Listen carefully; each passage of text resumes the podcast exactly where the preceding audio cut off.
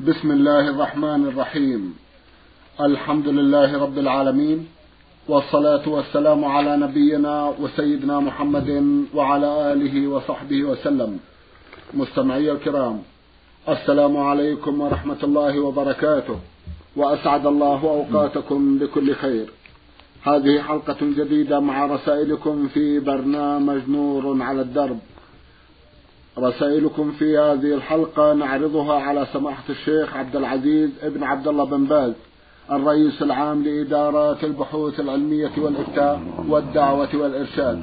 مع مطلع هذه الحلقة نرحب بسماحة الشيخ ونشكر له تفضله بإجابة السادة المستمعين فأهلا وسهلا بالشيخ عبد العزيز. حياكم الله وبارك حياكم الله. أولى رسائل هذه الحلقة رسالة وصلت إلى البرنامج من المستمع مصطفى سعد سليمان من مرسى مطروح في جمهورية مصر العربية. لأخينا جمع من الأسئلة في أحدها يسأل ويقول من أراد الدنيا فعليه بالقرآن ومن أراد الآخرة فعليه بالقرآن ومن أرادهما معا فعليه بالقرآن. وأيضا هناك قول يقول حول القرآن الكريم اقرأوا القرآن لما شئتم. إذا كان هذه أحاديث وجهونا جزاكم الله خيرا. وهل يصح أن يقرن الإنسان الدنيا بالدين؟ جزاكم الله خيرا. بسم الله الرحمن الرحيم. الحمد لله وصلى الله وسلم على رسول الله وعلى آله وأصحابه ومن اهتدى بهداه. أما بعد فلا أعلم صحة شيء من هذه الأحاديث. ولا وليس لها أصل فيما نعلم. ولكن إذا قرأ القرآن ليستفيد منه في أمور دنياه وأمور دينه فهو مطلوب. لكنه أنزل لعمل الآخرة وليستقيم له أمر الآخرة. هذا هو الأهم. ويترتب على العمل بالقرآن صلاح أمر الدنيا والآخرة. لكن ليس المقصود من إنزال صلاح أمر الدنيا إنما الدنيا تابعة. فإذا قرأ القرآن ودرس القرآن وتدبر القرآن ليعلم أمر الدنيا والآخرة وليستفيد من ذلك ما يصلح أمر الدنيا والآخرة. هذا كله طيب. ولكن ليكن أكبر همه إصلاح أمر الآخرة والعناية بما أوجب الله عليه وما حرم الله عليه حتى يعرف من كتاب الله ما أوجب الله وما حرم الله وحتى يستقيم على طاعة الله ورسوله. وإذا استفاد من القرآن أيضا فيما يتعلق بطيب الكسب هذا من أمر الآخرة. من يجتهد في أن يكون كسبه طيبا حلالا بعيدا عن الحرام يستفيد في صلة رحمه في بر والديه في إكرام جاره في حفظ وقته. كل هذا ينفع في الدنيا والآخرة. وهكذا اقرأ القرآن بما شئت المعنى له وجه صحيح. يقرأه ليتفقه في الدين. يقرأه ليخاف الله ويراقب الله. يقرأه ليعالج به مرضه ليقرأه ليعرف أحكام بيعه أحكام معاملته للناس يعرف به أحكام صلاته أحكام إلى غير ذلك يقرأ لما يشاء. لكن أهم ما يكون أن يكون يقرأه ليعرف ما يرضي الله ويقرب لديه ليعرف أسباب السعادة ليعرف أسباب النجاة ليعرف أسباب الهلاك حتى يحذرها. فهو أنزل ليستقيم العبد على طاعة الله ورسوله. كما قال عز وجل كتاب أنزلناه إليك مبارك ليدبروا آياته وليتذكر أولو الألباب. وقال سبحانه ونزلنا عليك الكتاب تبيانا لكل شيء وهدى ورحمة وبشرى المسلمين. ففي بيان أسباب السعادة في الدنيا والآخرة. فإن من سار على القرآن في معاملاته أفلح. فإنه يصدق الحديث يصدق المعاملة لا يغش لا يخون لا يكذب إلى غير هذا من الأخلاق الطيبة التي يدعو إليها القرآن. فهو إذا أخذ بهذه الأخلاق ولو كان إنما أراد الدنيا ينفعه ذلك. لكن لا يكون له أجر إذا كما أراد إلا الدنيا. أما إذا أراد بذلك إرضاء الله والتقرب لديه جمع الله له خير الدنيا والآخرة. وثيب ومع ذلك صلح له أمر الدنيا فيما فعل. وإن لم يقتدي الآخرة وثواب الله نفعه ما يفعله في ما ما فعله في الدنيا من الصدق والأمانة وعدم الغش إلى غير هذا من الأشياء التي دل عليها القرآن وأرشد إليها القرآن. لكن إذا فعله المكلف طاعة لله وتعظيما لله ورغبة فيما عنده ولإصلاح أيضا أمر دنياه جمع الله له الخيرين خير الدنيا والآخرة. نعم. جزاكم الله خيرا. هل العمليات الطبية لتجميل جزء مشوه في الإنسان هل يعتبر هذا تغيير في خلق الله أم أنه محرم أم أنه جائز؟ جزاكم الله خيرا. لا حرج في ذلك. لو كان لو كان في يده عيب أو سواد أو في وجهه أو في أنفه أو في شفته وأصلح ذلك لا حرج في ذلك.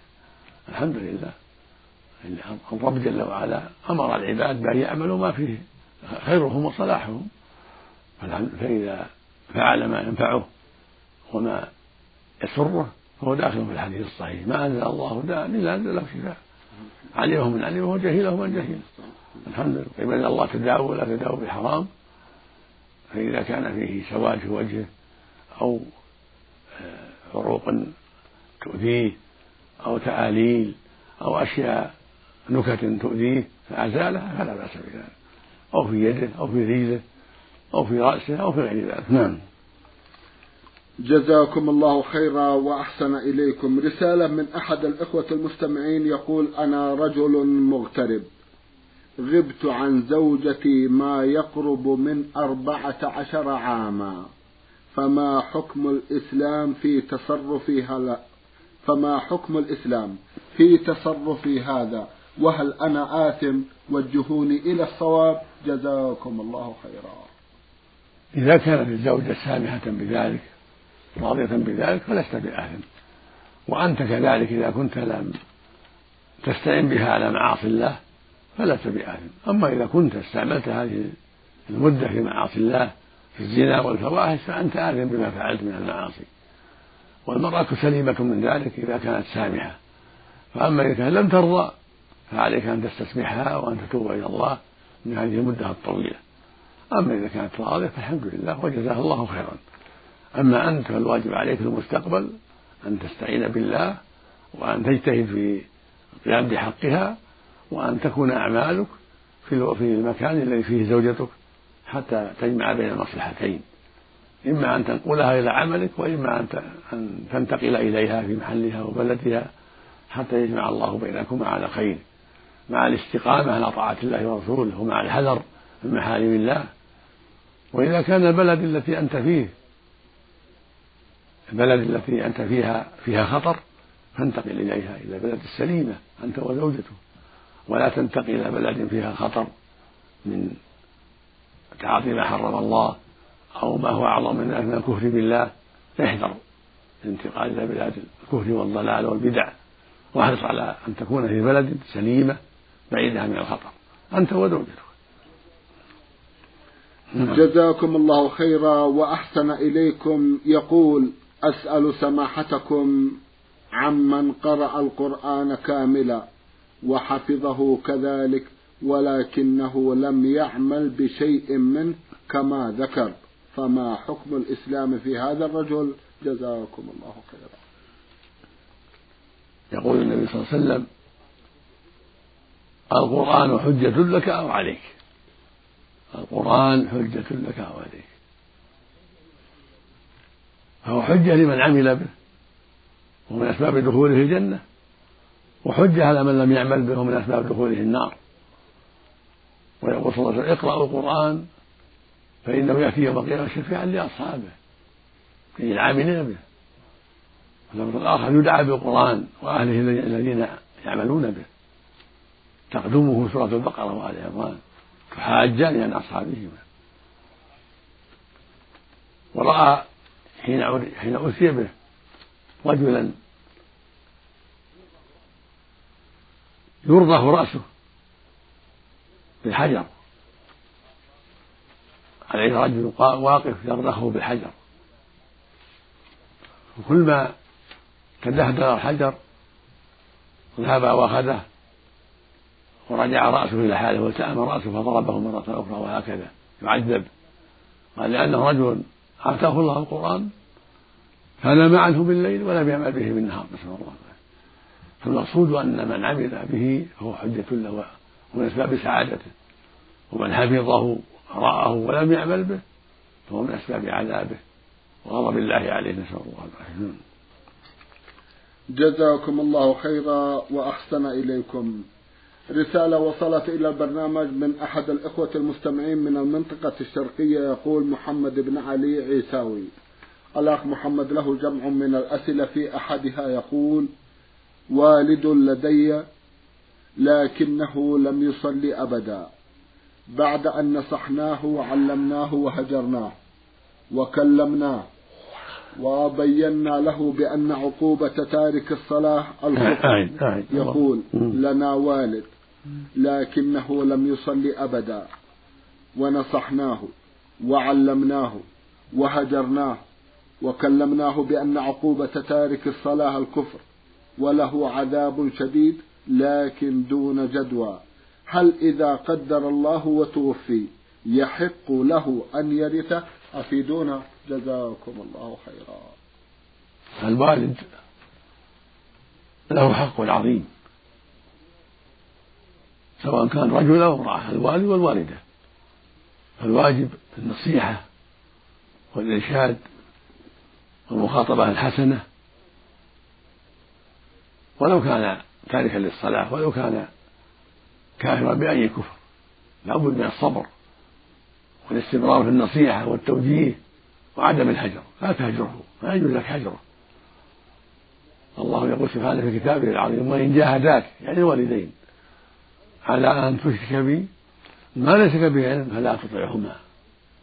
وصاحبهما في الدنيا معروفا أمر بأن يصاحبهما في الدنيا معروفا وهذا يطيعهما في المعصية ولا في الكفر. ولهذا قال بعده واتبع سبيل من أناب إلي. فالمقصود أن الواجب عليك أيها الولد أن تتقي الله وأن تنصح والدك أنت وإخوانك ومن يساعدك من الخير في نصيحته وتوجيهه وعدم اليأس لكن لا تهجره ولا تؤذيه ولا ترفع الصوت عليه ولكن تنصحه بالكلام الطيب والأسلوب الحسن كما أنت مأمور بذلك. يقول الله جل وعلا ووصينا الإنسان ولديه حسنا وإن جاهداك لتشابه ما ليس لك فلا تطعهما. ويقول جل وعلا أن اشكر لي ولوالديك إلي المصير. ثم قال بعد وإن جاهداك على أن تشرك بما ليس لك به فلا تطعهما. وصاحبهما بالدنيا معروفا واتبع سبيل من آمن إليه. فأنت مأمور بأن أنت مأمور بأن تصاحبهما بالمعروف. بالكلام الطيب. لكن مع النصيحة مع التوجيه مع الإرشاد. عملا بقول ربك جل وعلا أن اشكر لي ولوالديك. وقوله صاحبهما بالدنيا معروفا قد يهديهم الله قد يهديهم الله على يديك. ويكون لك بذلك الخير العظيم والأجر الكبير. وقد قال الله عز وجل وقال ربك ألا تعبدوا إلا إياه. وبالوالدين إحسانا. إما يبلغن عندك الكبر أحدهما أو كلاهما فلا تقل لهما أف ولا تقل لهما أف ولا تنهرهما. وقل لهما قولا كريما. واغفر لهما جناح الذل من الرحمة. وقل رب ارحمهما كما ربياني صغيرا. فلا تيأس يا أخي. وترك الصلاة لا شك أنه كفر. وهو كفر أكبر على أصح قول العلماء. كفر أكبر.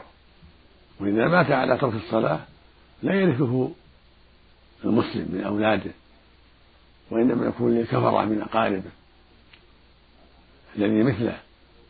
وقال آخر من العلم أنه لبيت المال لأنه مرتد فيكون ماله لبيت المال لا لمن كان كافرا من جماعته بل يؤخذ ماله ويصرف بيت المال.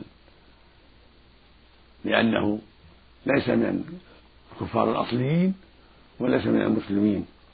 والمرتد يكون ماله فيء يكون ماله فيئا لبيت مال المسلمين يصرف في مصالح المسلمين.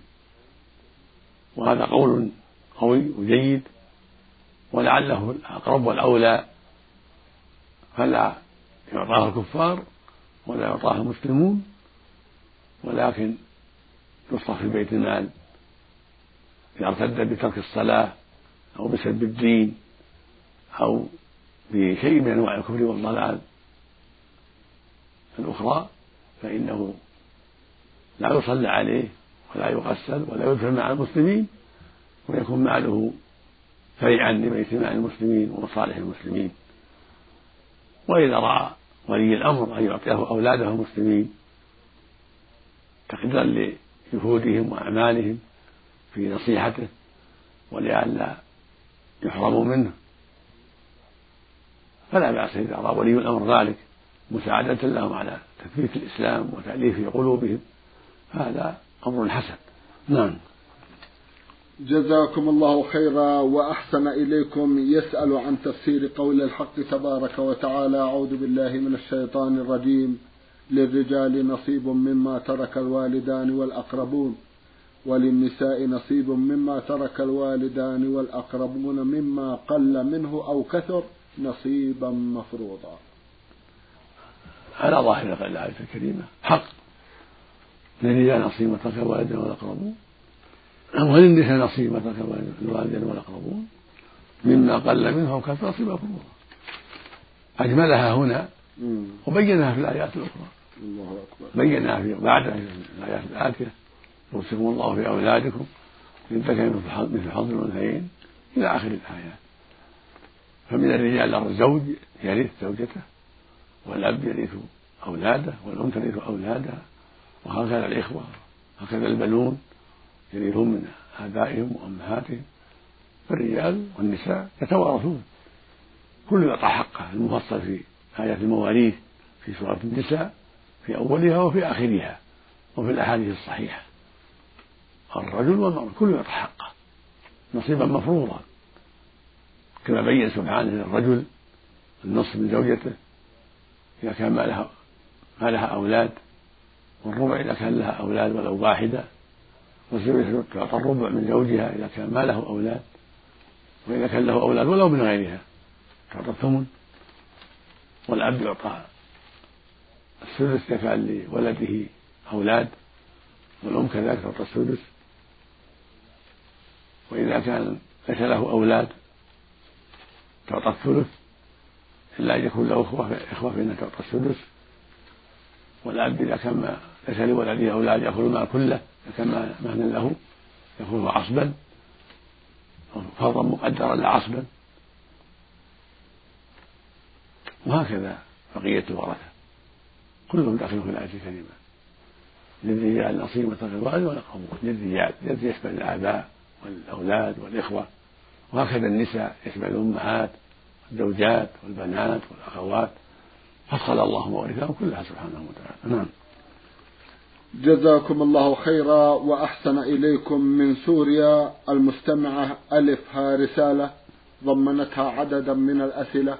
عرضنا بعضا منها في حلقات مضت وفي هذه الحلقة نعرض البعض الآخر إن شاء الله تعالى. تقول في أحد أسئلتها إذا كنت أشك في الطعام الذي آكله بأنه حرام أي لست متأكدة أنه حلال وأكلت منه فما حكم ذلك؟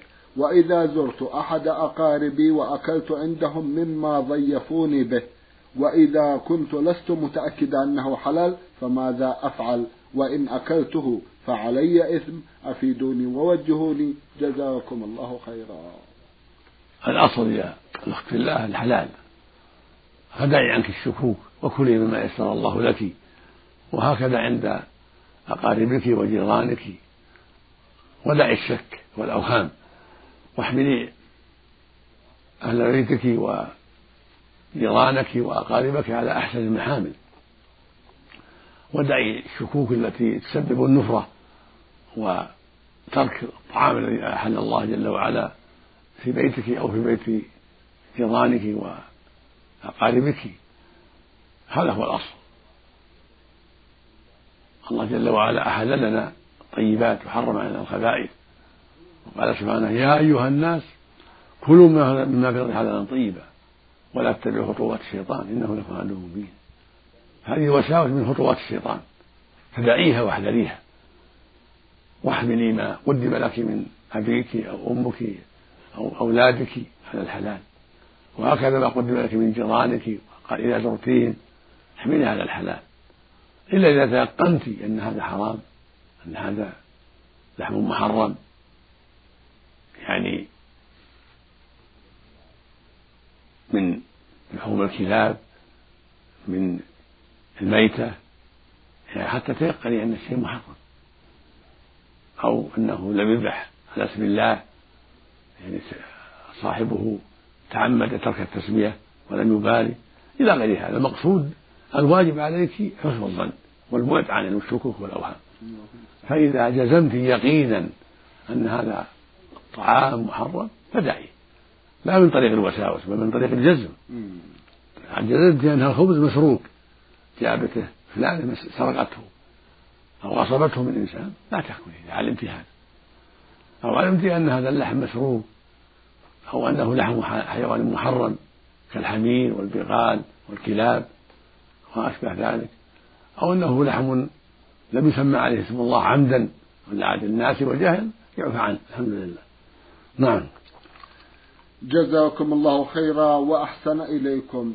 تسأل أختنا سؤالا آخر فتقول هل غرف الماء للوضوء بواسطة اليد يجعل الماء غير طاهر؟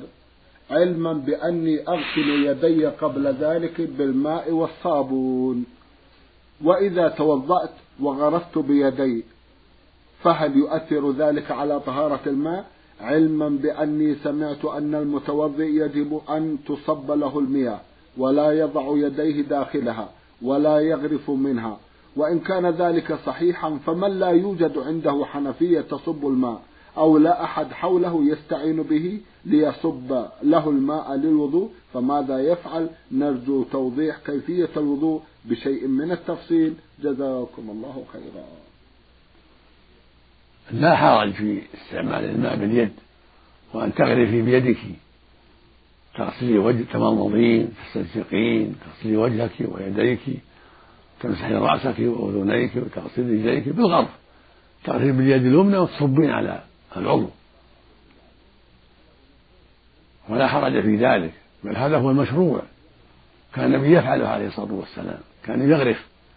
إذا أراد الوضوء غسل يديه ثلاث مرات أولا كفيه ثم غرف بيده اليمنى واستنجى بالماء في قبله ودبره. وكان يستعمل الماء يغرف ويغسل وجهه يتمضمض ويستنشق يغسل وجهه ثم يدخل يده ويغرف. فيدخل اليد في الماء لا يضره. ولا حاجة إلى الصابون. تغسل يديك بالماء ثلاث مرات يكفي في أول الوضوء. ما في حاجة إلى صابون ولا غيره. الماء يكفي. كان النبي صلى الله عليه وسلم يغسل يديه بالماء وحده عليه الصلاة والسلام ثلاث مرات قبل الوضوء ثم يدخل يده في الماء فيتمضمض ويستنشق إلى آخره. هذا فعلته من التكلف والوساوس القبيحة. دعي عنك الوساوس واحذريها فإن الشيطان حريص على إدخال الوساوس على بني آدم والماء لا يتأثر بذلك ولا يتنجس بذلك. لكن إذا قمت من النوم يتأكد غسلها ثلاثا آكد من النهار ثلاثا قبل أن تدخلها في الإناء. ولو أدخلتها في الإناء لم ينجس الماء حتى ولو من النوم حتى ولو من النوم. الماء طاهر الماء طهور.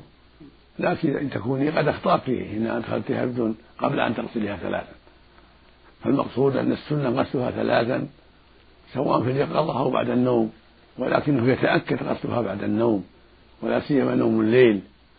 ثم تدخل اليمنى وتغرفين.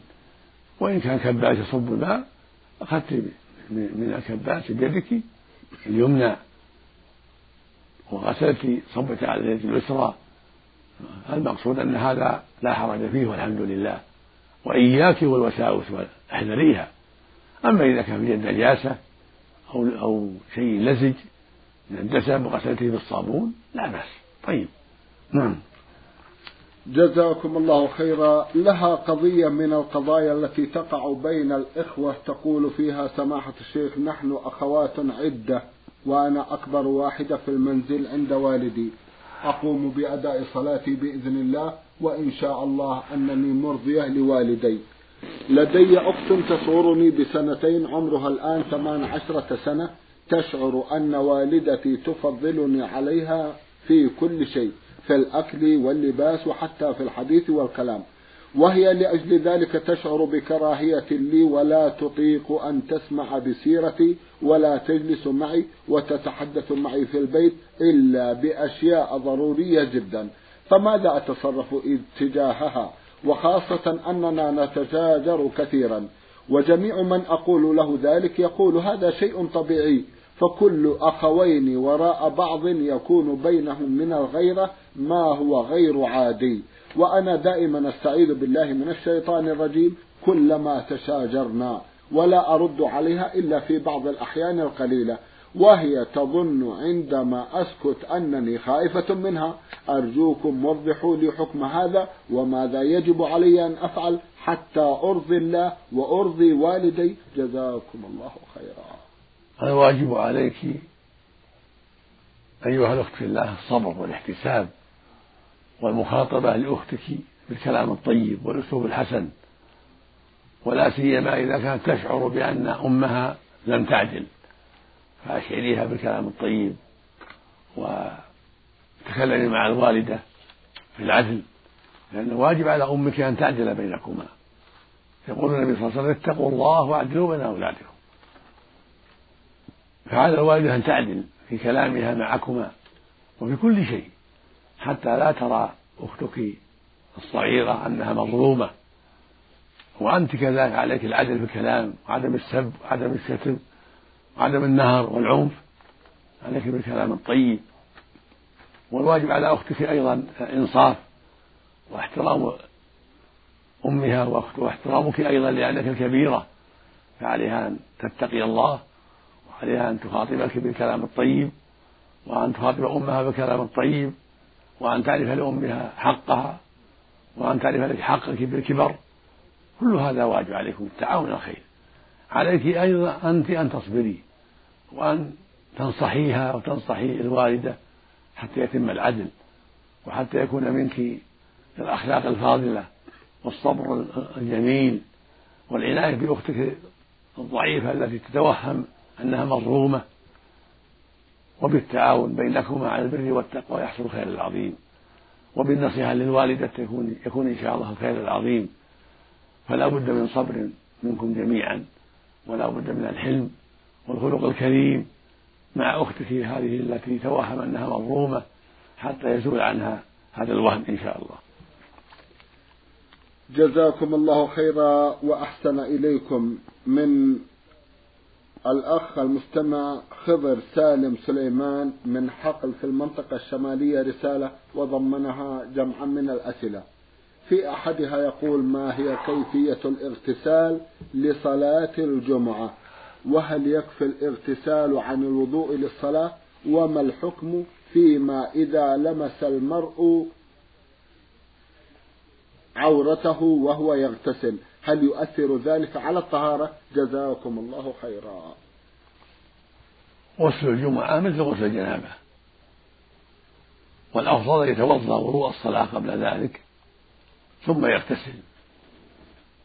فيصب الماء على رأسه ثلاث مرات. ثم شقه الأيمن ثم الأيسر ثم يكمل الماء على جسده. هذا هو الأفضل بعد الوضوء. وإن توضأ بعد ذلك فلا بأس. توضأ بعد بعد ذلك فلا بأس. ولا يجزئه الغسل عن الوضوء. ولكن يتوضأ بعد ذلك. أو يقدم الوضوء وهو الأفضل. وإن لمس عورته بعد الغسل يعيد الوضوء. إذا لمسها بعد الغسل يعيد الوضوء. أما كان لمسه لها حين حين الاستنجاء وقبل الغسل أو قبل أن يشرع في الغسل لمس لمس عورته لا يعيد الغسل. لكن يعيد الوضوء لكن قد توضأ يعيد الوضوء. فلمس العورة ينقض الوضوء ولكن لا ينقض الغسل. الغسل ماشي يغتسل ولو مس عورته غسله ماشي صحيح. لكن الوضوء الذي سبق يعيد الوضوء. وإن كان وضوءه بعد ذلك كفى والحمد لله. نعم. جزاكم الله خيرا وأحسن إليكم. سماحة الشيخ في ختام هذا اللقاء أتوجه لكم بالشكر الجزيل بعد شكر الله سبحانه وتعالى على تفضلكم بإجابة السادة المستمعين. وآمل أن يتجدد اللقاء وأنتم على خير. اللهم آمين. مستمعي الكرام كان لقاؤنا في هذه الحلقة مع سماحة الشيخ عبد العزيز ابن عبد الله بن باز. الرئيس العام لإدارات البحوث العلمية والإفتاء والدعوة والإرشاد. شكرا لسماحته وأنتم يا مستمعي الكرام شكرا لحسن متابعتكم. وإلى الملتقى. وسلام الله عليكم ورحمته وبركاته.